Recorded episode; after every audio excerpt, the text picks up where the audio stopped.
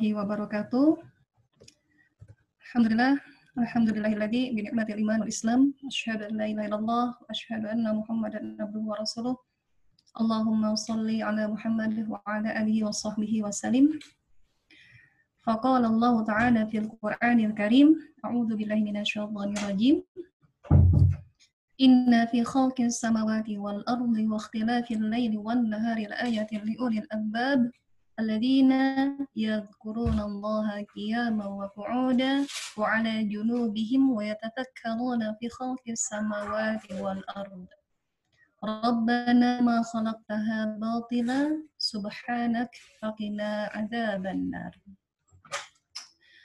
Alhamdulillah, uh, akhwati fillah, segala puji Allah menggenggam jiwa dan napas kita yang dengan izinnya kita masih bisa diberikan kesempatan untuk menghirup oksigen dan melepaskan karbon dioksida tanpa tertukar sedikit pun. Allah meringankan tugas kita tanpa perlu memilah yang mana oksigen dan mana karbon dioksida, tapi Allah memberikan prajurit-prajurit di antaranya adalah paru-paru kita, hidung kita, dan saluran pernapasan lainnya untuk memudahkan kerja-kerja kita sebagai khalifahnya. Allah yang menciptakan akal manusia sehingga hari ini kita bisa bertemu dalam momentum yang sama, namun waktu yang berbeda sedikit. Ya. Nah, di sana lebih dahulu satu jam daripada waktu yang ada di Indonesia. Dan tentu saja apa yang kita harapkan dari pertemuan virtual ini adalah keberkahan.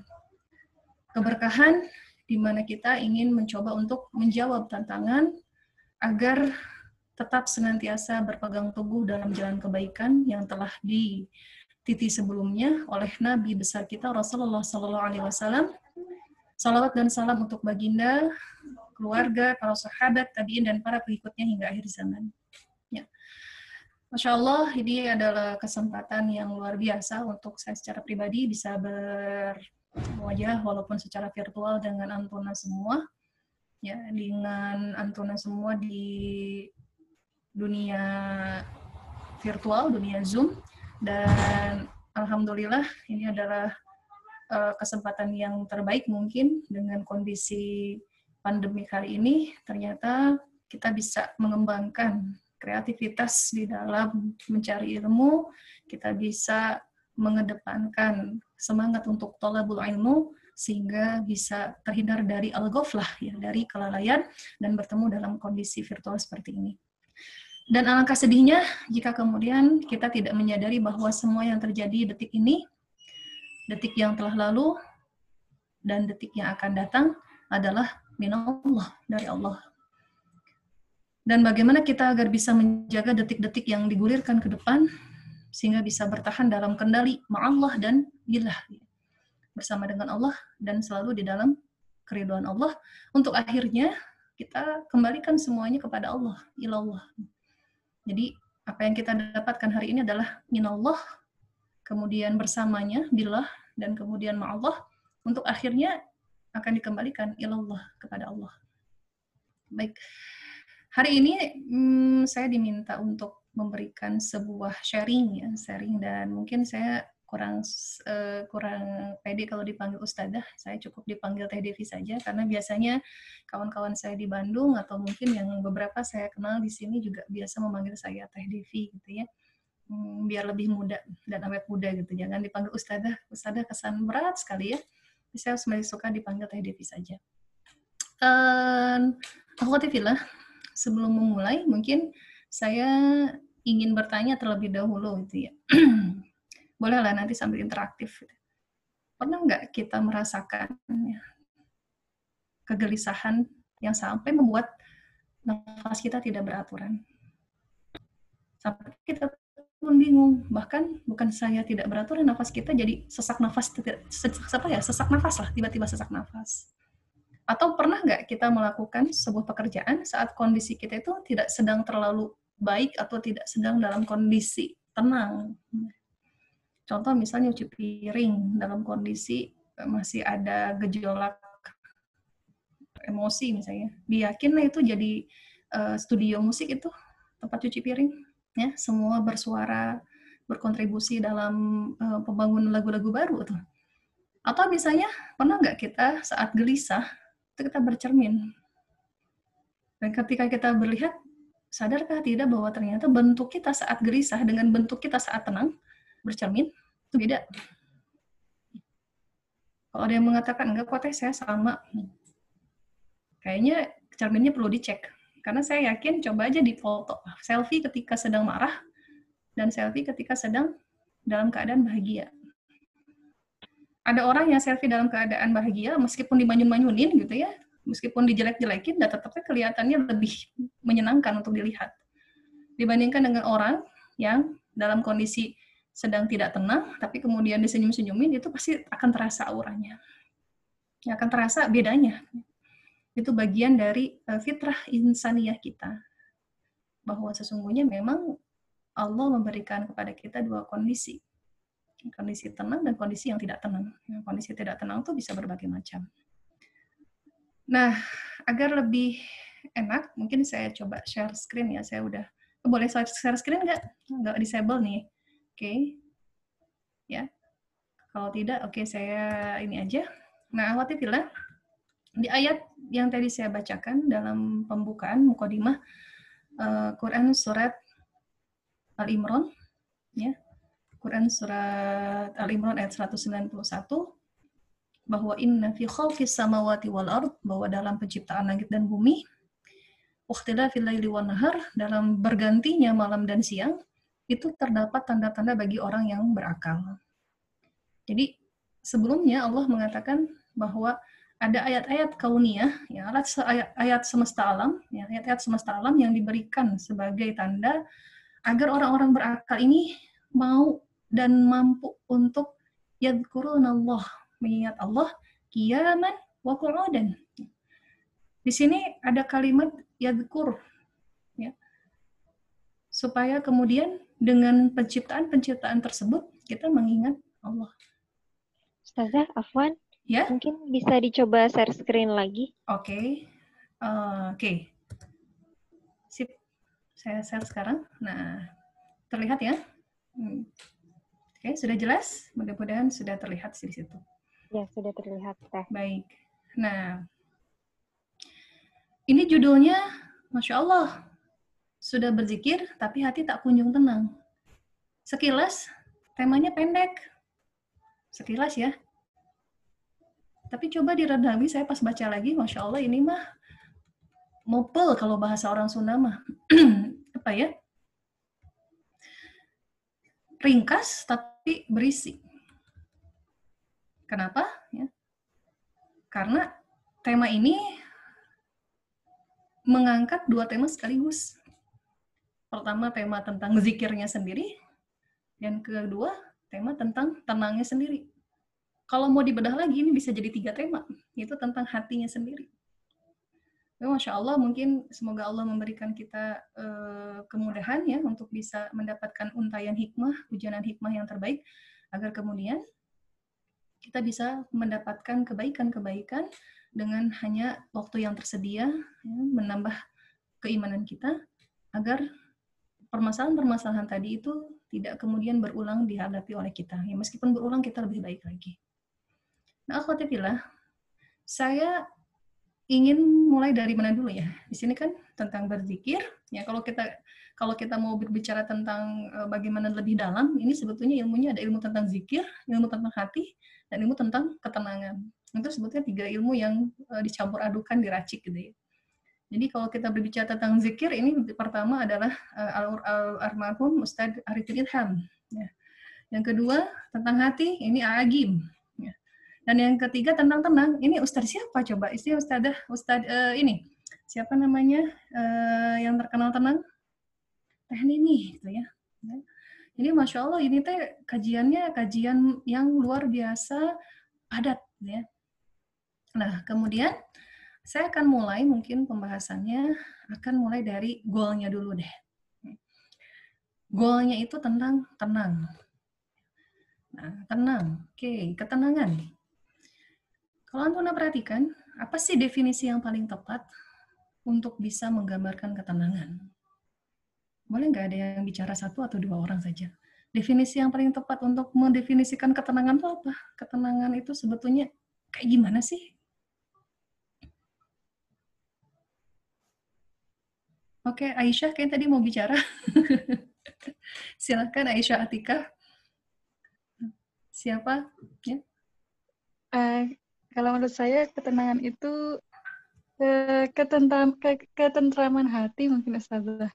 Ketentraman Jadi, hati. Oke. Okay. Mm -mm. Ketentraman hati itu ciri-cirinya kayak gimana ya? Hmm, mungkin kalau dari kasat mata itu dari gaya bicaranya tenang. Mungkin gitu ya bicaranya tenang terus mm -hmm. apa ya nafasnya mungkin ya ah, teratur nafas, gitu. okay. nah, nafasnya teratur. Terus ya, teratur. Ya masya Allah. Jazakillah khair teh Aisyah. Uh, ketenangan teratur nafas. Biasanya kita melihat memang dari nafas betul Ketenangan biasanya didefinisikan dengan keteraturan. Jadi kalau kita melihat kenapa uh, kita ambil ya salah satunya adalah gambar yang saya ambil, uh, saya simpan sebagai representasi dalam ketenangan itu biasanya sebuah pemandangan alam. Karena inna fi khalqis samawati wal ardi wa ikhtilafil laili wan nahar la ayatin liulil albab. Di sana ada ayat-ayat Allah dan sesungguhnya ayat-ayat Allah itu sudah menunjukkan keteraturan sebagaimana di dalam Quran surat uh, Al-Mulk ya. Bahwa uh, apakah kamu menemukan yang futur gitu ya, apakah kamu menemukan ketidakseimbangan dalam ciptaan Allah? Ya. Maka insya Allah jawabannya adalah tidak akan. Dan keteraturan itu membuat kita tenang. Ya, keteraturan misalnya uh, keteraturan dalam konteks bukan berarti apa namanya keteraturan yang alamiah ya. Dan kita itu semuanya hampir sangat suka dengan suara air. Kenapa banyak rumah yang kemudian menjadikan salah satu refleksi untuk e, relaksasinya adalah kolam-kolam yang disertai dengan e, percikan air, bunyi percikan air. Karena ternyata tempat tenang yang pernah kita singgahi dahulu kala, ya, itu dinamakan dengan ar-rahim di perut ibu kita. Itu adalah tempat paling tenang dan di situ konon katanya ya karena kita juga ketika tidur coba menidurkan bayi itu biasanya lebih tenang tuh kalau kita ya. itu suaranya suara yang cenderung relatif lembut mendayu dan tidak terlalu besar. Nah ternyata katanya gitu ya, saya pernah diskusi dengan salah seorang teman saya yang beliau menganalisis ini katanya bahwa itu sangat dekat dengan suara desiran air saat kita berada di dalam rahim. Nah itu ketenangan. Nah, dulu kita sangat tenang gitu ya, dan ketenangan inilah yang kemudian kita butuhkan. Hanya saja kalau kita berbicara tentang ketenangan di dalam Al-Qur'an, ternyata itu bukan hanya ketenangan dalam satu konteks saja. Jadi ketika kemudian kita bertanya, sudah berzikir tapi tidak tenang, kenapa? Nah ini, kita akan lihat. Pertama, ya, ketenangan di dalam Al-Quran ini saya hanya membahasnya tiga saja ya. Jadi kalau kita kaji Al-Quran, ya, mungkin salah satu di antaranya adalah di dalam Quran surat Al-Baqarah ayat 125. Yang Allah katakan, A'udzubillahi minasyaitonirrajim. Ya, dalam Quran surat Al-Baqarah ayat 105, di situ Allah berbicara tentang ketenangan dengan bahasa yang digunakan adalah al-amn. Ya. Wa id ja'alna al-baita masabata lin-nas wa amna wa takhidhu min maqami Ibrahim musalla.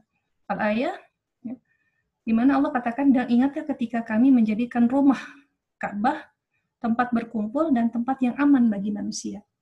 Jadi aman atau tenang ya di dalam Al-Qur'an itu juga di situ di dalamnya adalah e, mengandung ketenangan. Atau kita mungkin pernah mendengar dalam Quran surat An-Nur ayat 24 pernah membacanya ya e, mohon maaf ayat 50 ya, tentang e, bagaimana salah satu ayat 55 salah satu janji Allah bahwa Allah akan menggantikan kondisi setiap mukmin itu nanti seperti kaum sebelum kita yaitu dalam kondisi amna, aman, aman, tenang, tentram. Nah, permasalahannya adalah amna itu menurut Ibnu Ashur ya dalam beberapa uh, referensi itu bahwa uh, aman itu atau tenang itu adalah terlindungnya seseorang dari bahaya dan malapetaka.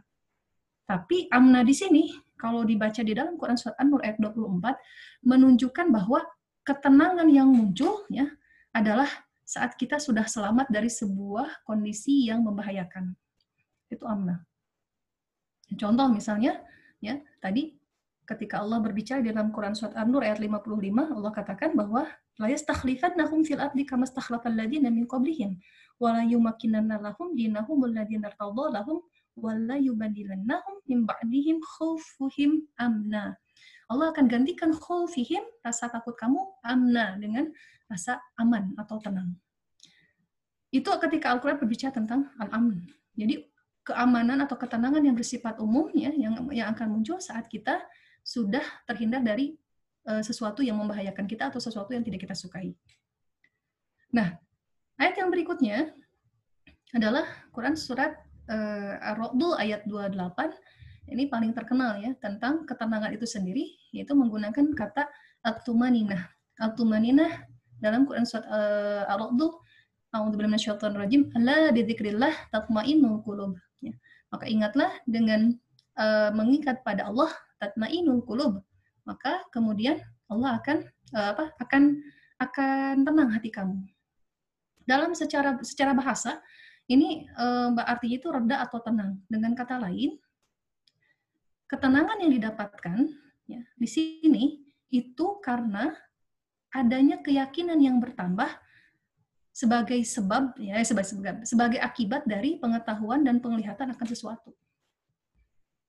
Atau dengan kata lain, tumanina atau itminan ya ketenangan yang dimaksud di dalam uh, surat ini ada proses yang dilewati agar bisa menjadi tenang.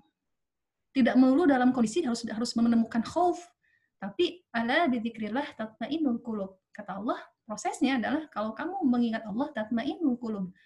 Dan itu prosesnya ada keyakinan yang bertambah, ya, ada pengetahuan yang bertambah yang kemudian memperbaiki keadaan kita yang tadinya gelisah menjadi tenang. Nah, yang ketiga, tenang lainnya adalah asakinah atau secara bahasa artinya asubut menetap, diam atau tenang. Huwaladzi Allahu ladzi anzala sakinata fi qulubil mu'minin liyazdadu imana ma'a imanihim. Sudah jelas di situ bahwa Allah memberikan sakinah ini hanya kepada orang-orang mukmin. Liyazdadu hanya untuk menambah imana keimanan mereka ma'a imanihim sesudah mereka beriman. Sesudah adanya iman dalam diri mereka. Jadi sebetulnya ketenangan yang kita lihat ya dengan tiga bahasa ini, kalau al-aman al-aman ya itu adalah ketenangan yang muncul karena hilangnya ketakutan, karena selamat dari musuh, misal misalnya ya adalah ketenangan dan ketanaman, eh, ketenangan dan kedamaian yang menancap dalam hati dan jiwa dan pikiran. Kemudian apa namanya damai yang menancap dalam hati, jiwa, dan pikiran karena sudah mendapatkan pengetahuan, maka sakinah ini adalah puncak dari ketenangan dan ketentraman yang paling kuat dan menetap di dalam hati.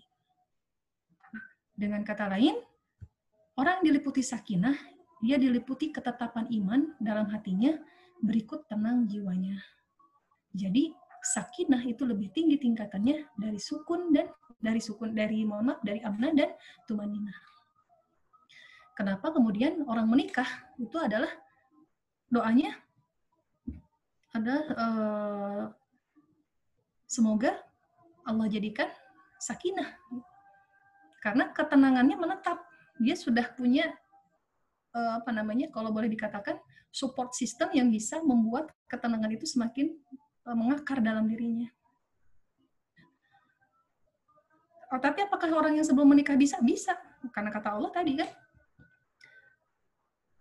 anzala sakinata fi qulubil mu'minin. Allah tuh dengan mudah untuk bisa menambah sakinah pada hati orang-orang mukmin.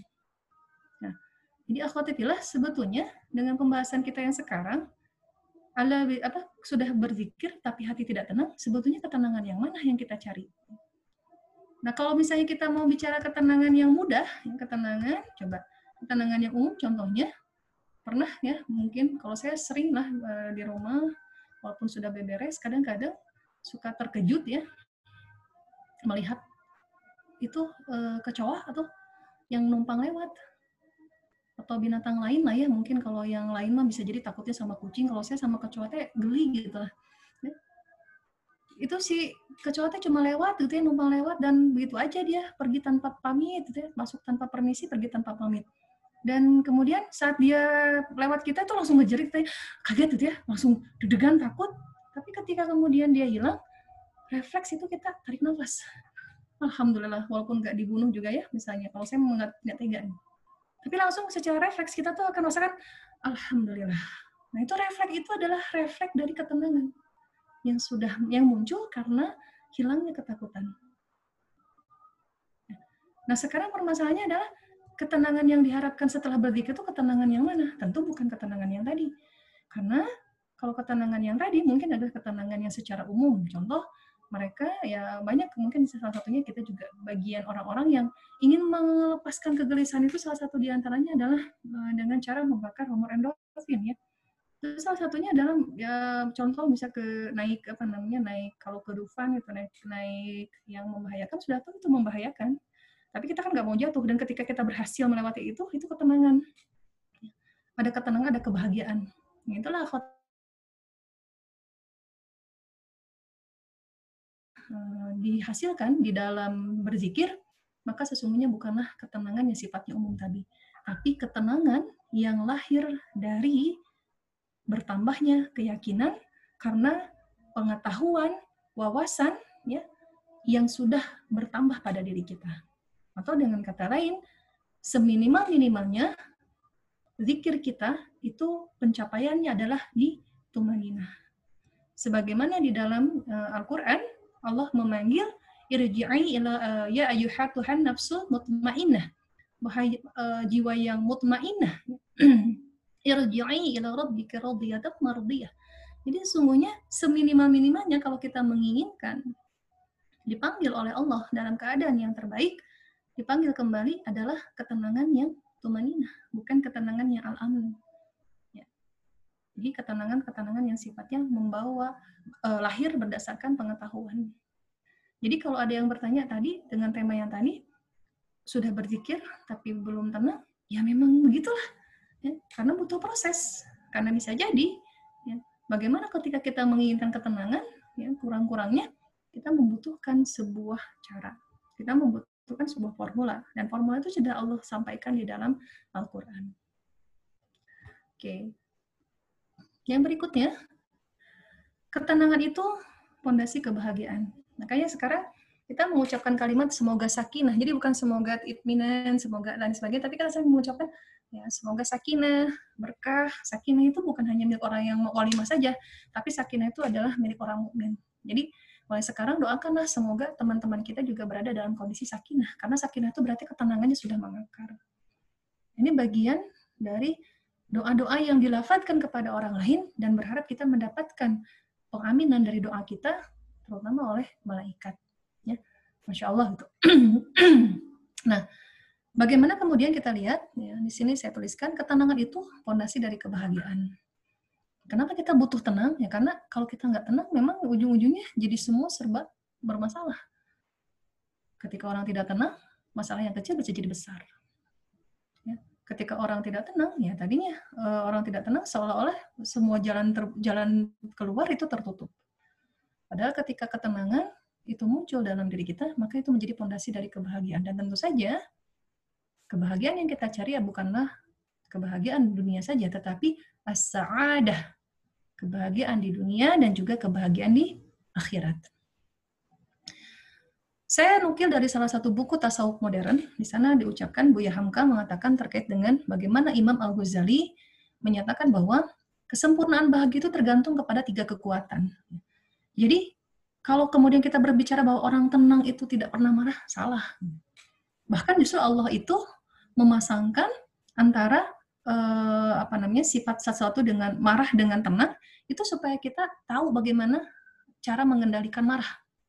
Ya, misal, nah kita tahu antara marah dengan sabar itu itu diberikan pasangannya supaya kita tahu bagaimana cara mengendalikan kedua ke, keduanya.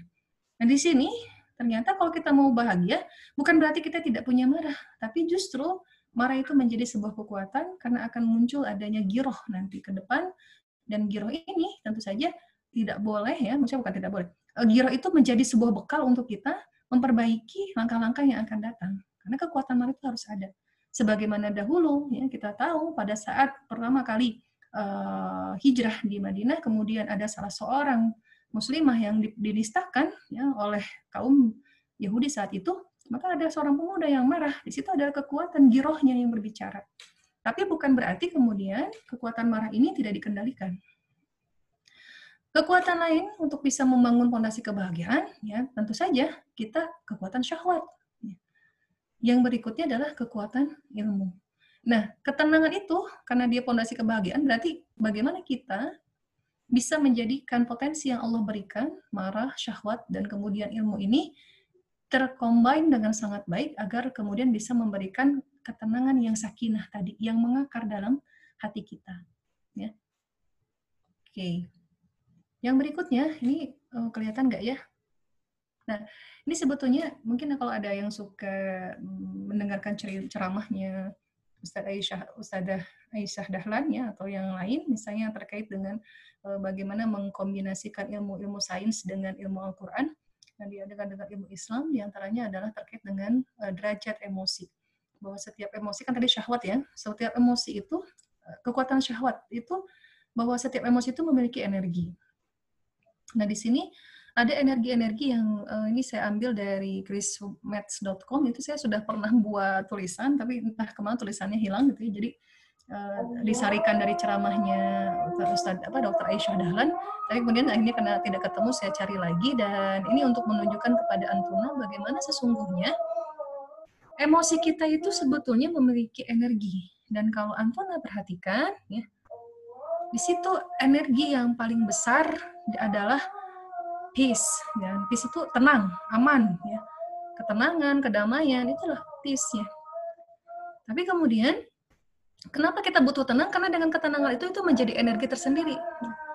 Jadi kalau kita kemudian melakukan sesuatu ya, de, di sini yang paling rendah itu adalah uh, shame ya kalau saya tidak salah itu shame atau rasa malu itu kalau dilihat secara logaritma energi itu sangat rendah dan ternyata uh, di antara pencetus dari munculnya uh, niat-niat bunuh diri itu salah satunya adalah dari muncul apa uh, saking besarnya rasa malu yang dimiliki shame gitu ya. Nah, semakin ke atas kalau kemudian kita tidak apa tidak mampu mengendalikan ya ini nanti akan membuat orang untuk me, apa, sebagian bawah ya orang akan memilih keputusan yang salah. Tapi bagaimana ketika emosi itu muncul dalam diri kita, kita harus bisa mengupgrade energi tersebut agar kemudian bisa memberikan tingkatan yang lebih besar dan produktif. Ya, contohnya di sini ada kesenangan. Nah, kalau cuma kesenangan saja, ya, belum tentu kesenangan itu menjadi ketenangan. Karena ada orang-orang yang sudah senang-senang, tetapi sudah pulang dia jadinya nggak tenang. Ada banyak Nah, kemudian kita lihat ternyata yang paling besar energi itu adalah bukan peace, bukan ketenangan. Ya. Tapi justru di sini adan kedengeran nggak ya di sana? Sebentar.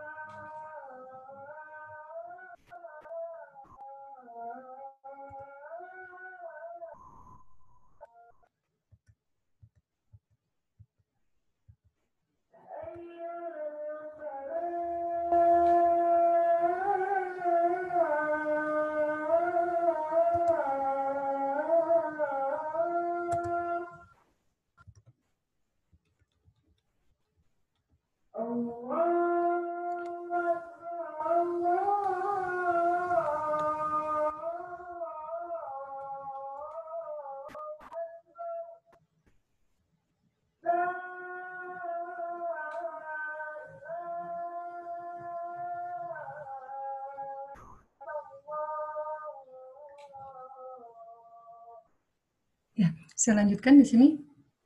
Jadi, jadi awatikillah, ketenangan itu yang kita cari adalah fitrah insaniah. Ya, karena ketenangan itu caranya, cara orang bahagia, ya, ketenangan itu fitrah insaniah. Dan kita lihat ternyata di dalam uh, tabel yang ditunjukkan, saya juga uh, dapat ini ya, bahwa sebetulnya yang menjadi energi terbesar yang bisa memberikan pengaruh baik untuk kita itu adalah enlightenment atau hikmah ya kalau dalam bahasa Arab pencerahan. Dan kita lihat di sini di dalam Quran surat Al-Baqarah uh, Allah yu'tir hikmata man yasha wa man yu'tar hikmata faqad utiya khairan katsira. Wa ma yadzakaru illa ulul albab. Jadi sesungguhnya Allah itu akan memberikan hikmah hanya kepada orang-orang yang Allah kehendaki dan sesungguhnya hikmah itu adalah khairun kasir, kebaikan yang maha besar, yang paling besar kasir. Nah, oleh karenanya kalau kita mencari ketenangan, itu adalah bagian yang harus kita tingkatkan agar bisa menjadi hikmah untuk kita, sehingga menjadi energi yang produktif ke depannya.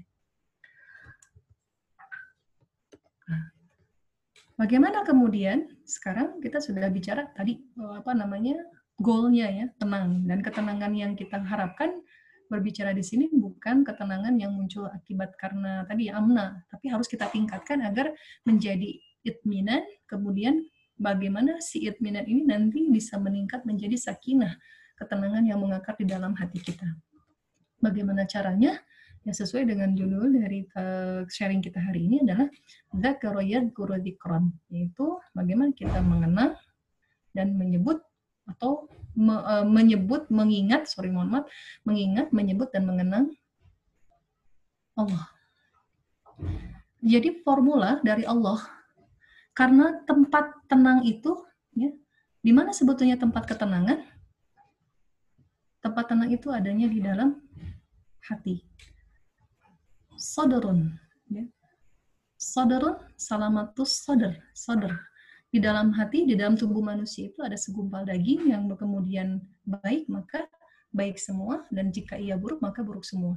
Dan yang dimaksud dengan gumpalan hati itu adalah bahasa kita jantung ya. Yang adanya di hati kita. Formula dari Allah bagaimana kemudian hati ini dibolak-balikan al dan qulub. Karena dia sifatnya muqallibal qulub gampang ter apa namanya gampang berputar ya, gampang terbolak-balik. Maka kata Allah, formula yang kita dapatkan saat menginginkan ketenangan, ya, ketenangan tingkat kedua itu adalah alladzina amanu wa tatma'innu qulubuhum bidzikrillah ala bidzikrillah tatma'innul qulub.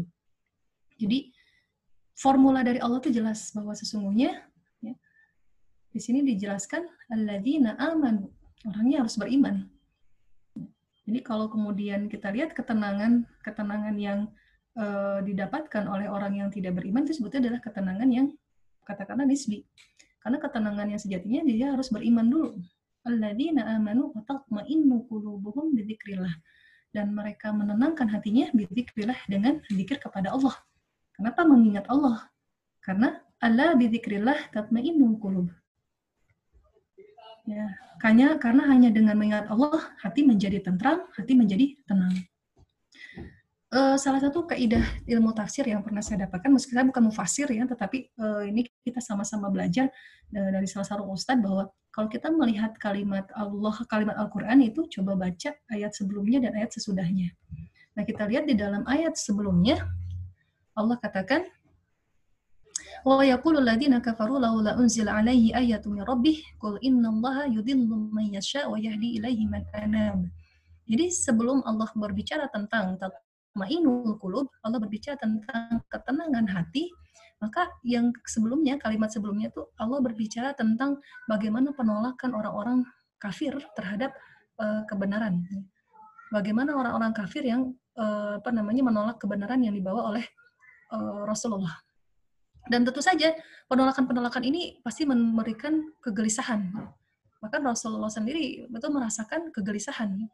Dan kemudian uh, di sini ayat sesudahnya kata Allah siapa orang yang kemudian ala bidzikrillahi tatmainnul qulub ya Allah sebut kembali di dalam ayat berikutnya alladzina amanu wa amilus solihat tubalahum wa husnu ma'ab.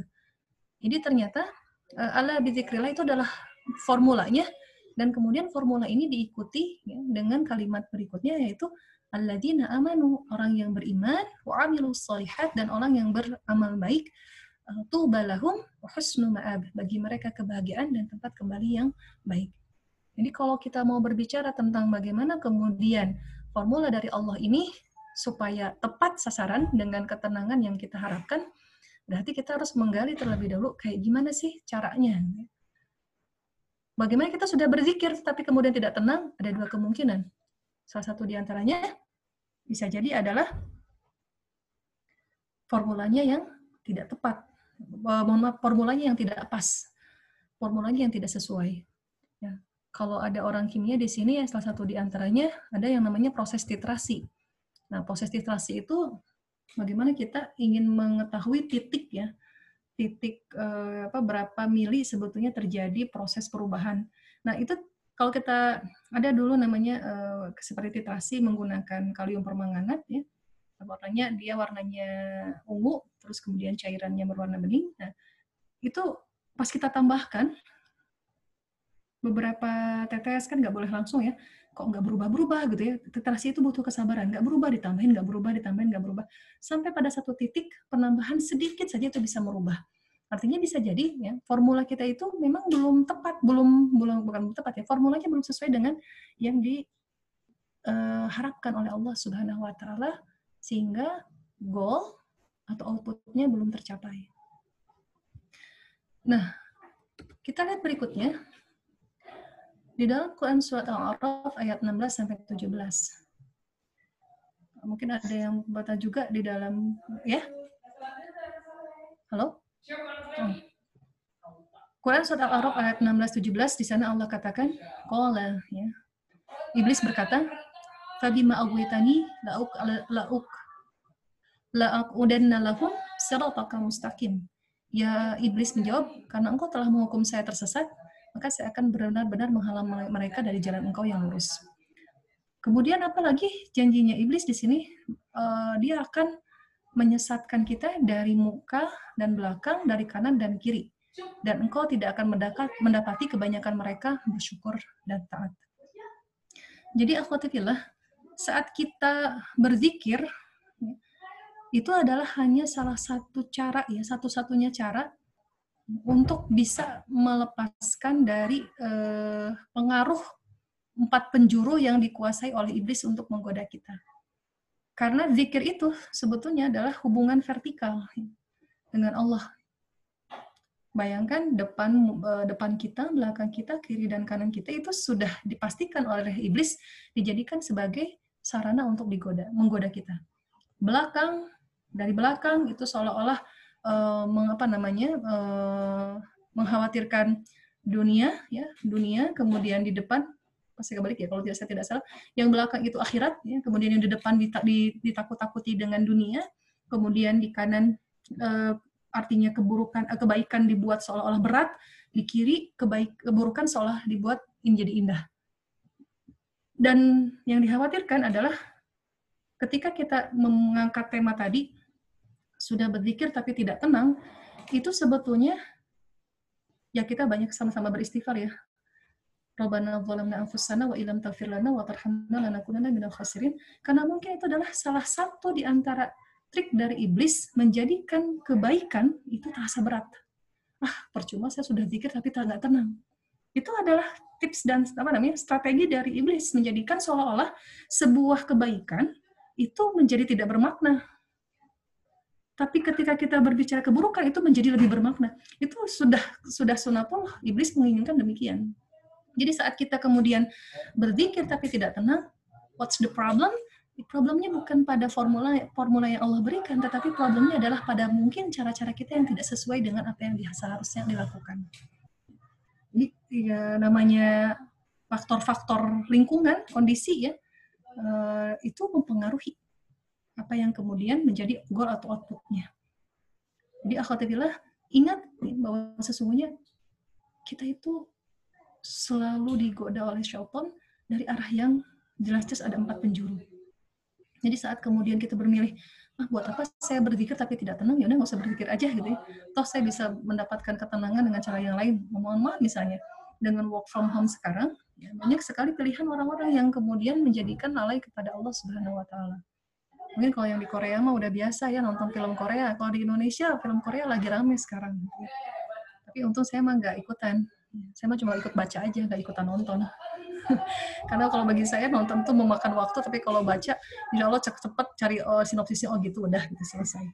Tapi bagaimana kemudian di sini ya, orang banyak memilih untuk, udahlah saya mencari ketenangan, misalnya ada orang yang stres nih dengan pekerjaan, karena work from home itu jadi bukan 8 jam ya, jadi seolah-olah 24 jam bekerja dari rumah, kemudian cara menghilangkan stresnya itu dengan cara sesuatu yang mohon maaf sekali ya ada yang dengan cara ah udahlah saya kan udah ini ya saya mendingan ber, apa mencari ketenangannya dengan cara yang uh, misal menonton film-film yang mungkin tidak membawa produktif ya. Tidak tidak tidak maksiat juga tapi apa namanya tidak menjadi maksiat mungkin tetapi menjadi apa namanya sesuatu yang uh, memborot besarnya Nah ini alhamdulillah. Kadang-kadang memang yang dikhawatirkan kalimat tadi saya berzikir tapi tidak tenang itu sudah disiapkan tuh oleh iblis. Ya udah mending kamu pilih aja yang ini. Gitu. Ini kita harus siap bahwa kita harus sadar. Nah, kesadaran itu di mana? Perhatikan bahwa hampir 7.000 kata kemarin tuh mau saya simak eh, apa penjelasan dari Tengku Zulkarnain di Tengku Zulkarnain bahwa hampir 7.000 ya serapan bahasa Indonesia itu dari bahasa Arab. Salah satunya adalah sadar. Sadaran itu ternyata bahasa dari bahasa Arab. Kalau kita berpikir sadar itu di mana? Awalnya mungkin berpikir sadar itu adanya di akal. Tapi kalau kita perhatikan asal bahasanya, sadrun itu adalah sadar itu dari sadrun. Sadrun itu di mana? Di hati. Berarti apa yang kemudian uh, disampaikan uh, para saintis hari ini, dulu mereka berpikir bahwa ujung dari uh, apa namanya ujung dari apa ujung tombak dari kehidupan manusia itu di akal, ternyata itu sudah dijawab dan dibantah oleh Rasulullah itu beradanya di hati.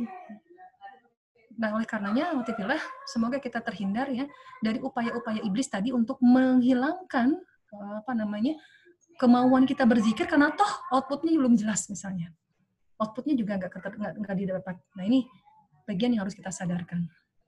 Yang berikutnya, nah karena kita menginginkan uh, goal tumanina, salah satu di antaranya, zikir itu sering kali kita anggap sebagai zikrulisan saja. Saya kan sudah berzikir. Padahal di dalam wadifat zikr ya, eh, sarana-sarana zikr itu ternyata itu sangat banyak. Bahkan di dalam Al-Quran sendiri, zikir itu tidak dinisbatkan pada satu aktivitas, tetapi zikir itu itu bisa dicek ya, mungkin saya hanya tuliskan beberapa, itu kurang lebih ada 21 atau 25 lah gitu ya. Yang kemudian dinisbatkan dalam aktivitas yang sama dengan zikir. Nah, salah satu di antaranya adalah bahwa zikir dalam Al-Quran itu satu wahyu. Wahyu itu ada Taurat, gitu ya. Kemudian yang kedua adalah Al-Quran. Yang ketiga, salat Jum'ah. Faidan nudiya lis salatini yaumil jumu'ati fas'au ila dzikrillah gitu kan. Ketika Allah menyeru dalam uh, sholat Jumat ila zikrillah, berarti kan sholat Jumat itu adalah sarana untuk berzikir. Devi, ya? Uh, punten, waktunya sekitar empat menit lagi ya. Oke. Okay. Yang berikutnya adalah sholat lima waktu, kemudian tafakur, memberikan nasihat, menjaga, mengingat dengan hati, dan mengingat dengan lisan, itu adalah bagian-bagian dari zikir. Nah, apa yang kemudian membuat kita nggak bisa mendapatkan uh, ketenangan? Jadi di situ Antuna bisa lihat ada gambar, kadang-kadang ada ada beberapa faktor ya. Jadi yang membuat kita ketenangan itu hati itu kan gimana salah satu di antaranya pintu hati itu adalah pikiran. Karena terlalu banyak noisy of mind. Ya, noisy of mind itu adalah uh, apa namanya ya? Jadi di, di, di pikiran kita tuh udah terlalu banyak yang dipikirkan. Pada saat berzikir semuanya muncul. Nah itu memang sudah sunatullah lupa dengan sesuatu pada saat sholat, itu kemudian jadi ingat. Lupa dengan sesuatu pada saat tilawah jadi ingat. Akhirnya apa? Menunda tilawahnya mengganggu sholatnya. Nah, di mana sebetulnya posisi kita? Apakah kita mindful atau mindful? Full benar-benar gitu ya, artinya dengan penuh pikiran kita, atau sebetulnya pikiran kita itu tenang, aman. Nah, ini semua bergantung pada uh, bagaimana kemampuan kita untuk mengelola ya. Salah satu di antaranya adalah emosional dan spiritual. Kegemuruhan emosional dan kemudian kekuatan spiritual. Nah, ada lagi yang kemudian perlu kita pelajari di dalam mengevaluasi bagaimana zikir kita sehingga tidak mendapatkan goal yang kita inginkan. Bisa jadi kita belum memaksimalkan adab-adab di dalam berzikir. Apa saja adab dalam berzikir? Nah, di sini ada Quran Surat Al-A'raf ayat 205. Ayatnya pendek, tetapi sesungguhnya ayat ini menunjukkan adab-adab berzikir yang harus kemudian kita jaga. Khifata wa dunal jahri minal qawl bil ghudubi wal asal wa la takun minal ghafirin. Ayatnya pendek tetapi di sini ada tujuh cara ya tujuh eh, apa namanya tujuh langkah bagaimana kita menjaga adab dalam berzikir. Yang pertama, rabbaka fi nafsik. Ternyata zikir itu lakukan pada diri kita. Ya, tadi seperti yang saya sampaikan, pernah kita berpikir berzikir kepada Allah itu wadhkur eh, apa namanya? Inna fi khalqis samawati wal ard wa ikhtilafil laili wan nahar. Itu ayat-ayat semesta yang seolah ada di depan mata kita. Tetapi mata kita sendiri, tubuh kita sendiri itu adalah ayat terbaik untuk berzikir kepada Allah Subhanahu wa taala. Lakukan pada diri sendiri, merenung pada diri sendiri. Dan ternyata saat kita berzikir dengan diri kita sendiri, ya, kita mengingat diri kita dalam kondisi yang uh, apa namanya uh, sir ya, merendahkan diri kita, itu akan membuat kita malu dengan Allah. Jantung kita berdetak sendiri nggak kita urusin, darah mengalir dengan sendirinya. Ya. Kemudian taldurru'a apa kata Allah? Tadurru'a. Maka ketika kita ingin berzikir kepada Allah, setelah kita melakukan yang pertama pada diri sendiri, menurun pada diri sendiri, maka merasa rendah diri di hadapan Allah. Merasa hina, merasa kurang saat beribadah di hadapan Allah.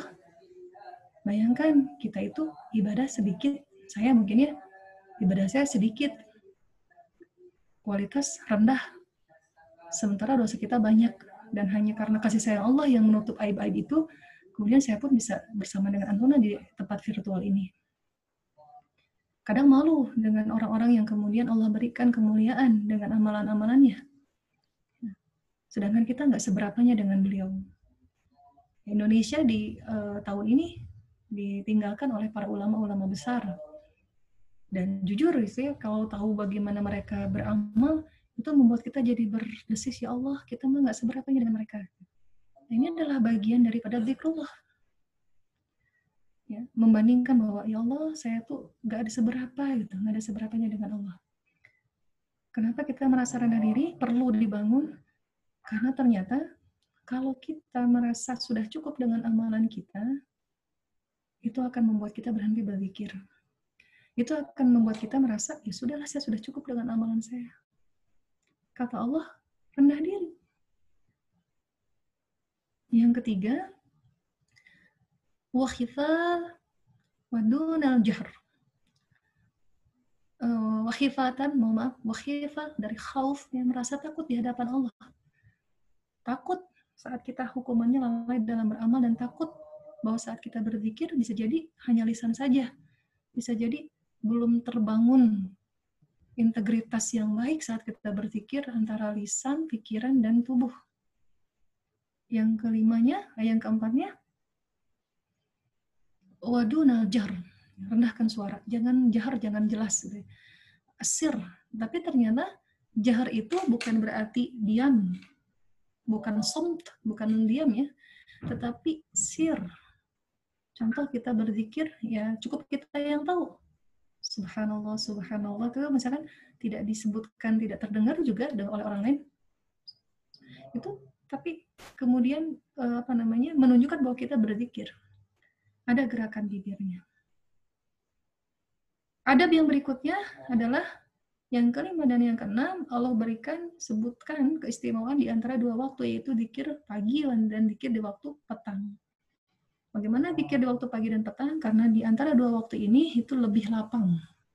Ya, meskipun kemudian pasti akan banyak sekali uh, alasan, wah enggak kayaknya kalau saya pagi dan petang mah riuh, apalagi emak-emak misalnya, apalagi ibu rumah tangga. Ya pastinya Allah berikan itu karena mungkin itu adalah waktu yang terbaik. Berarti kalau ada yang bermasalah dengan keriuhan, ya itu memang kita nyeweh gitu. Saya ingat salah satunya di antara uh, Ustadz Mutamim Ula dengan Ustadzah Wiwi ya, yang memiliki anak 10 orang menjadi hafid, hafidhah di antaranya adalah beliau bertiga tuh, beliau berdua itu tanpa khodimat, ya, tanpa pembantu, jam 3 subuh atau jam 2 subuh itu sudah bangun, mereka menyiapkan sesuatu sarapan dari pagi. Jadi jam 3 tuh udah menyiapkan sarapan. Intinya pagi-pagi itu udah selesai, nggak, nggak ada masalah. Nah, mungkin karena saya berpikir, oh ya itu bukan bukan bukan waktu paginya bermasalah, tapi saya yang bermasalah. Itu saya mungkin secara pribadi. Dan yang berikutnya adalah di waktu petang, yang notabene jam 4, ya, Eh, lazimnya kita mungkin yang eh, ibu rumah tangga atau yang para pekerja atau mungkin kecuali yang punya jadwal kuliah, tetapi relatif di waktu petang itu adalah kebanyakan kita sudah menuju akhir dari pekerjaan rutinitas atau lebih lapang sehingga memungkinkan untuk berzikir. Dan yang ketujuh, walatakum minal dan janganlah menjadi orang-orang yang lalai di dalam berzikir atau dengan kata lain bagaimana kita bisa menjadi orang-orang yang sustainable dalam berzikir. Jadi ini akhwatifillah bisa jadi kita evaluasi ketika kita belum tenang, mungkin di antara tujuh ini belum kita amalkan keseluruhannya. Merasa rendah diri di hadapan Allah, kenapa Allah sebutkan? Karena itu susah. Karena begitu banyak orang yang merasa sudah cukup dengan amalnya.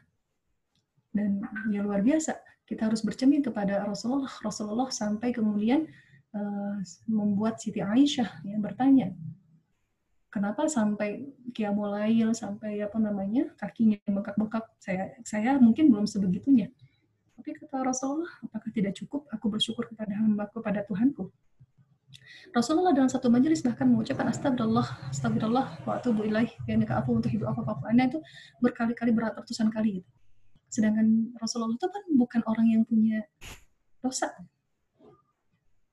Itu mungkin akhwatifillah eh, di dalam ada berzikir yang mudah-mudahan bisa membuat kita semakin yakin bahwa bukan formulanya yang salah, tetapi mungkin langkah kita yang belum tepat dan outputnya belum sesuai dengan apa yang kita harapkan. Walau alam itu yang bisa saya sampaikan. Tafadol, mengga kepada MC saya kembalikan. Baik, jazakillah khairan kasir untuk PDV yang telah memberikan materi yang Masya Allah luar biasa terkait um, bagaimana sih kita mencapai ketenangan dengan berzikir. Dan kalau boleh saya simpulkan sedikit mungkin, jadi tadi yang Devi sampaikan terkait tenang, goals kita adalah tenang, ada beberapa tingkatan ternyata. Yang pertama itu amna, dan kemudian Tuma'aninah dan ini merupakan salah satu uh, ketenangan yang mungkin minimal kita punya dapatkan gitu. Karena ketenangan ini akan kita dapatkan Tuma'aninah akan kita dapatkan dengan proses menimba ilmu dan bertambahnya keyakinan. Kemudian uh, ketenangan yang terakhir adalah yang puncak dari seorang mukmin itu adalah sakinah gitu. Dan mudah-mudahan nanti kita bisa uh, diberi kemudahan mencapai ketenangan tersebut sehingga kita dapat mencapai kebahagiaan yang asadah gitu ya. Bahagian dunia dan akhirat. Dan tadi beliau juga telah menyampaikan terkait formula tenang gitu ya uh, di Quran surat Ar-Ra 2 ayat 28 dan 29 dan kemudian ada beberapa adab ada berzikir seperti yang pertama merenung pada diri, kemudian merendahkan diri di hadapan Allah, merasa takut di hadapan Allah, merendahkan suara, berzikir di waktu pagi, di waktu yang tenang, kemudian di waktu petang, dan, dan yang terakhir adalah istiqomah. Baik, uh, itu yang bisa saya rangkum. Barangkali dari teman-teman sekalian, akhwati filah, ada yang mau bertanya, mangga dipersilahkan.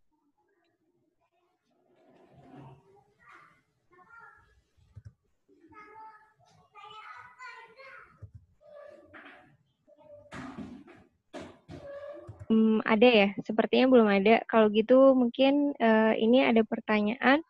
Uh, uh, Teh Devi, bagaimana sih sebenarnya ciri-ciri orang yang sudah mendapatkan ketenangan sakinah? Itu. Mungkin pertanyaan yang pertama, Teh Devi, mangga silahkan dijawab.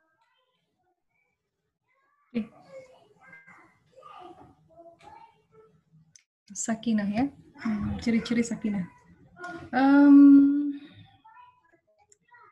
kita kembali kepada bagaimana sakinah itu sebagai puncak dari ketenangan dan itu hanya boleh dikatakan adalah miliknya mukmin ya. Karena sebagaimana Allah katakan liyazdadu imanan imanihim itu untuk menambah keimanan uh, yang sudah ada di dalam keimanannya. Maka ciri-ciri sakinah itu adalah satu dia tidak satu aja.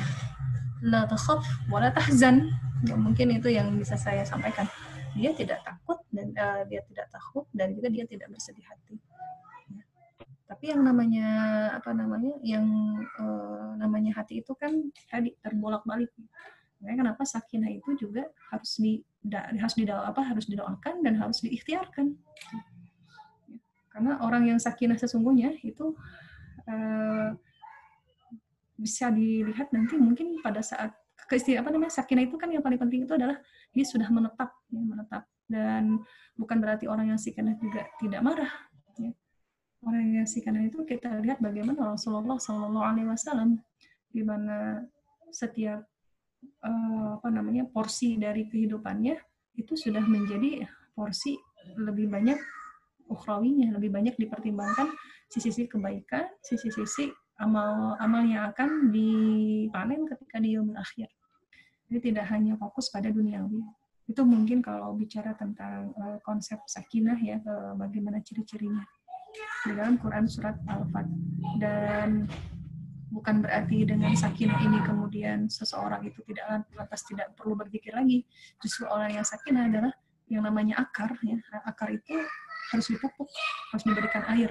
Kebayang kemudian kita menanam menanam pohon ya, belum ada akarnya, kemudian kita biarkan eh, anggap saja mungkin kalau ada yang lagi rame sekarang kan menanam benih kangkung ya. Menanam benih kangkung kangkung itu kan benihnya bulat-bulat. Kalau dia yang pertama kali muncul itu adalah akarnya. Nah kalau akarnya belum menghujam ya dia dia akar dulu yang keluar baru kemudian batangnya jadi eh, di antara tanda-tanda yang kemudian sakinah berarti dia sudah mengakar maka buahnya adalah berupa amalan-amalan produktivitas yang memberikan kebaikan untuk dunia dan agamanya ukhrawinya tentu saja sudah tidak lagi dinafikan. Mungkin itu akhwatifilah. Baik, uh, Kak Devi, kemudian ini ada pertanyaan yang kedua. Bagaimana jika hati terus-menerus merasa takut akan kematian dan kiamat? Sangat hmm. merasa ketakutan, padahal sudah berusaha zikir, tilawah, dan lain sebagainya. Itu bagaimana? Eh. Hmm. Baik, Eh, ketika kita merasakan ketakutan dan ketakutan yang kita rasakan ini adalah al-khawf minal iman ya. Orang yang merasakan ketakutan dengan ke kiamat, orang yang merasakan ketakutan dengan apa tadi uh, kematian, itu adalah al-khawf minal iman. Ya. Apa namanya? Rasa takut yang berasal dari keimanan, berarti tidak ada yang salah. Tetapi yang kemudian harus dibangun, kalau khawfnya sudah ada, maka ingat di dalam kepribadian pribadi kita ya sebagai seorang mukmin, Allah mengatakan bahwa barang siapa yang mengharapkan uh, apa namanya? Jadi gini, khauf itu tadi kembali ke mana ya? Ke yang saya tunjukkan uh, tingkatan energi ya. Tingkatan energi coba saya share lagi ya. Nah, di tingkatan energi uh, Kelihatan tidak?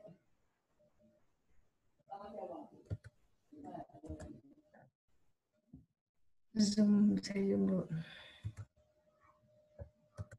Nah, ini sini uh, ketakutan ya, ketakutan. Oke, okay. fear, perhatikan ya. Fear itu rasa takut itu lebih apa namanya energinya secara emosional tuh lebih tinggi dibandingkan dengan yang lain. Lebih takut, lebih lebih besar dibandingkan dengan rasa bersalah.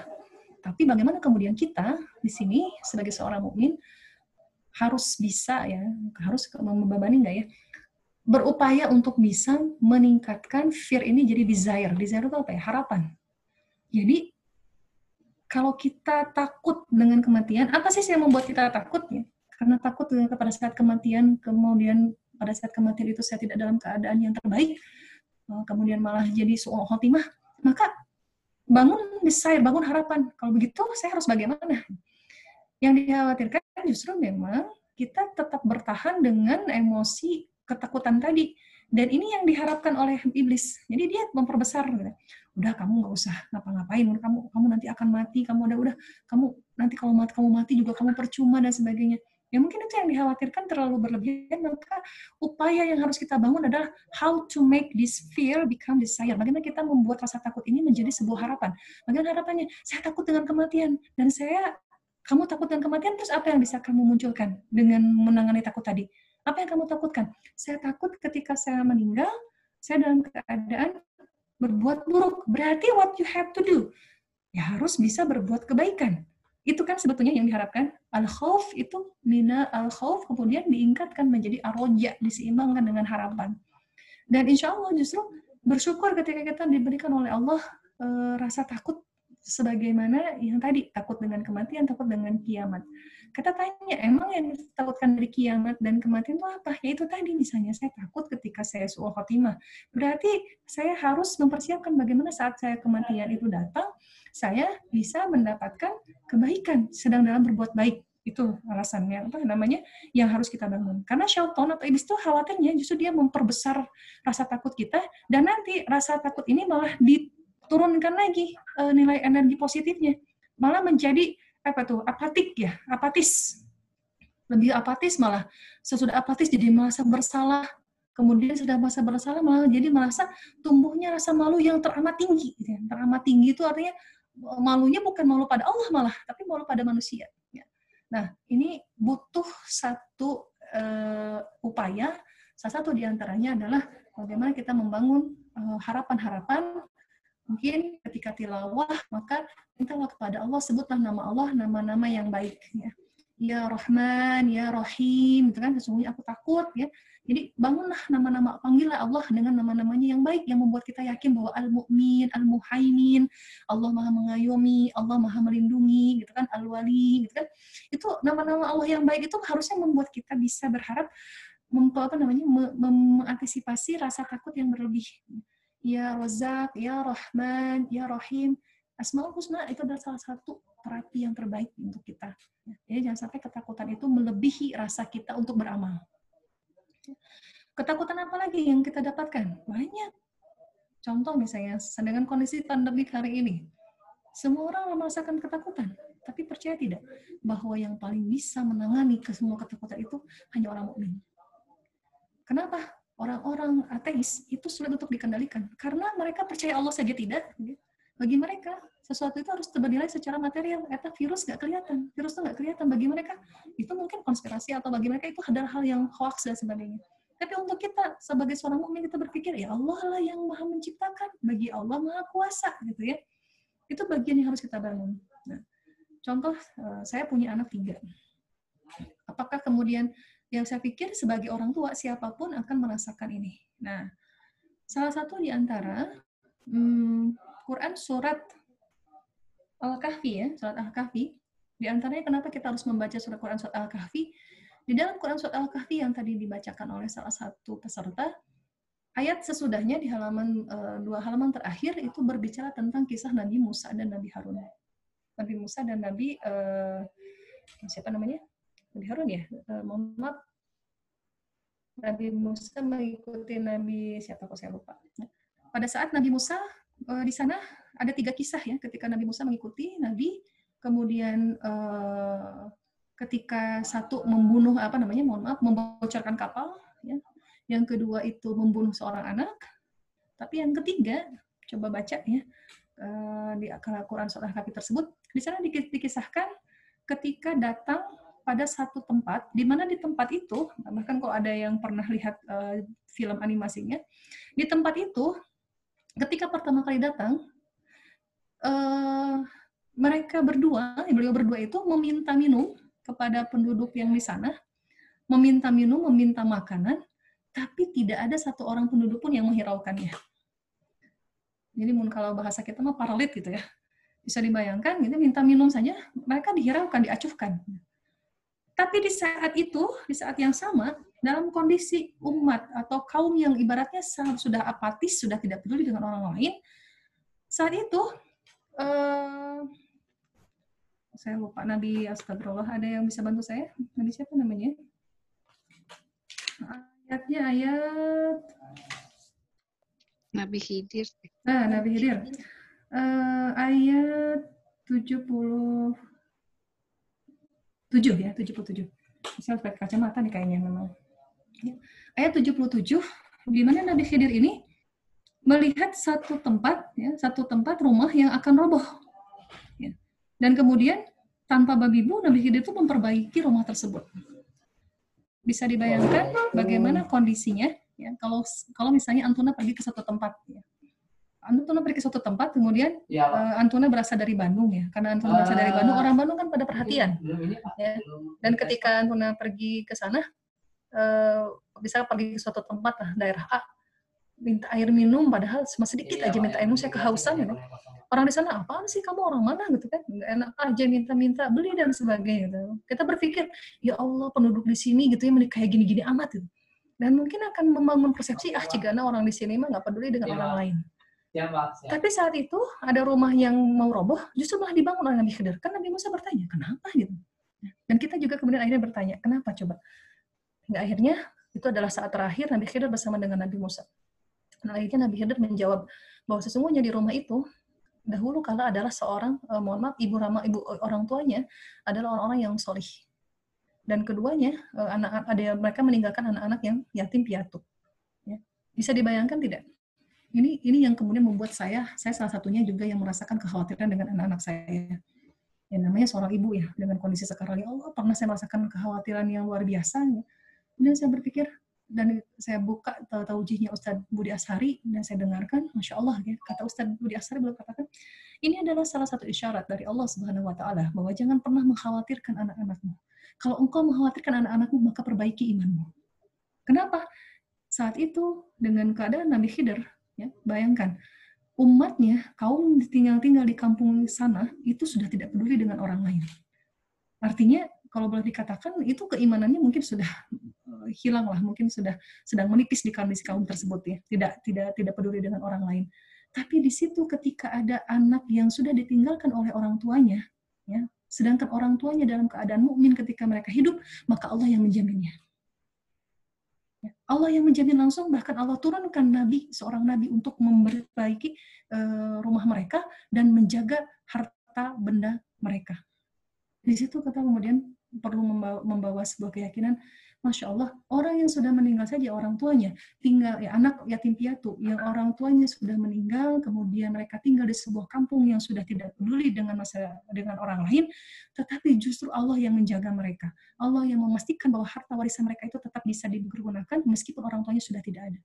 Jadi akhwatitillah, al-wali yang terbaik adalah siapa? Allah. Dan Allah hanya meminta jaminan kesulihan orang tuanya maka saya termasuk yang kemudian berpikir ya udah kalau gitu sekarang mas saya tinggal solih aja. Tinggal solih tinggal perbaiki diri biarlah Allah yang menjaga anak-anak saya. Ya, itulah yang terbaik. Ya sama dengan orang tua saya juga demikian. Udahlah yang penting mah kita solih biarlah Allah yang menjaga kesolihan anak-anak kita. Pertanyaannya adalah sudahkah kita menjadi orang yang solih yang patut dijamin oleh Allah? Keturunan kita misalnya ya, atau kemudian keluarga kita agar tetap berada dalam uh, kebaikan. Itu mungkin yang uh, apa namanya perlu disampaikan bahwa insya Allah Allah sudah jadikan Al-Quran ini sebagai zikrullah ya, zikir kepada zikir untuk kita, mengingatkan kita terkait dengan apa yang harus kita lakukan. Wallahu a'lam bishawab. Baik, Masya Allah. Jazakillah khair uh, untuk TDV. Mudah-mudahan uh, ini sudah cukup jelas ya untuk akhwat TV sekalian dan bisa digarisbawahi bahwa dari pertanyaan terakhir Teh Devi bahwa ketenangan itu sangat berkaitan erat dengan keimanan dan kesolehan kita. Jadi mudah-mudahan um, kita bisa Allah beri kemudahan dan ridho untuk kita semua mencapai dan mendapatkan kondisi yang sakinah tadi ya, ketenangan yang mengakar di dalam hati untuk dapat bisa mencapai asa saadah, saadah atau kebahagiaan di dunia dan akhirat. Baik, um, mungkin karena waktu juga, uh, akhwatifillah, uh, kita akan mengakhiri Muslimah Taklim Fiber pada hari ini dan untuk mengakhirinya saya minta untuk TDV uh, berkenan memimpin doa untuk penutupnya TDV mangga. Oke, okay, baik. Bismillahirrahmanirrahim. Ya. Uh, Jazakumullah khair kepada khotoyillah semua ya mudah-mudahan uh, kita dijaga oleh Allah Subhanahu wa taala dan semoga Allah tanamkan sakinah Allah hadiahkan sakinah ya dalam kehidupan kita eh, dan kita bisa menjadi orang-orang yang bersyukur. Maka upaya yang terbaik adalah senantiasa bersyukur. أستغفر الله العظيم أستغفر الله العظيم أستغفر الله العظيم. يا الله يا رحمن يا كريم يا ملك يا قدوس يا عزيز يا غفور يا رحيم يا مؤمن يا محيمن يا جبار يا متكبر. ربنا ظلمنا أنفسنا وإن لم تغفر لنا وترحمنا لنكونن من الخاسرين. اللهم أنت ربي لا إله إلا أنت. اللهم ربي لا إله إلا أنت خلقتني وأنا عبدك وأنا على أحدك وبعدك وما ما استطعت أبوء لك بنعمتك. ولا وأبوء بذنبي فاغفر لي فإنه لا يغفر الذنوب إلا أنت لا إله إلا الله لا إله إلا الله أستغفر الله الذي لا إله إلا الله وأتوب إليه ربنا آتنا في الدنيا حسنة وفي الآخرة حسنة وقنا عذاب النار Assalamualaikum warahmatullahi wabarakatuh. Waalaikumsalam warahmatullahi wabarakatuh. Jazakillah khair sekali lagi untuk TDV sebagai pemateri pada hari ini dan jazakumullahu khairan kasir untuk peserta MTC pada hari ini. Mudah-mudahan kita diberikan karunia dan uh, kesehatan untuk bisa berkumpul kembali di MTC selanjutnya, saya mewakili teman-teman dari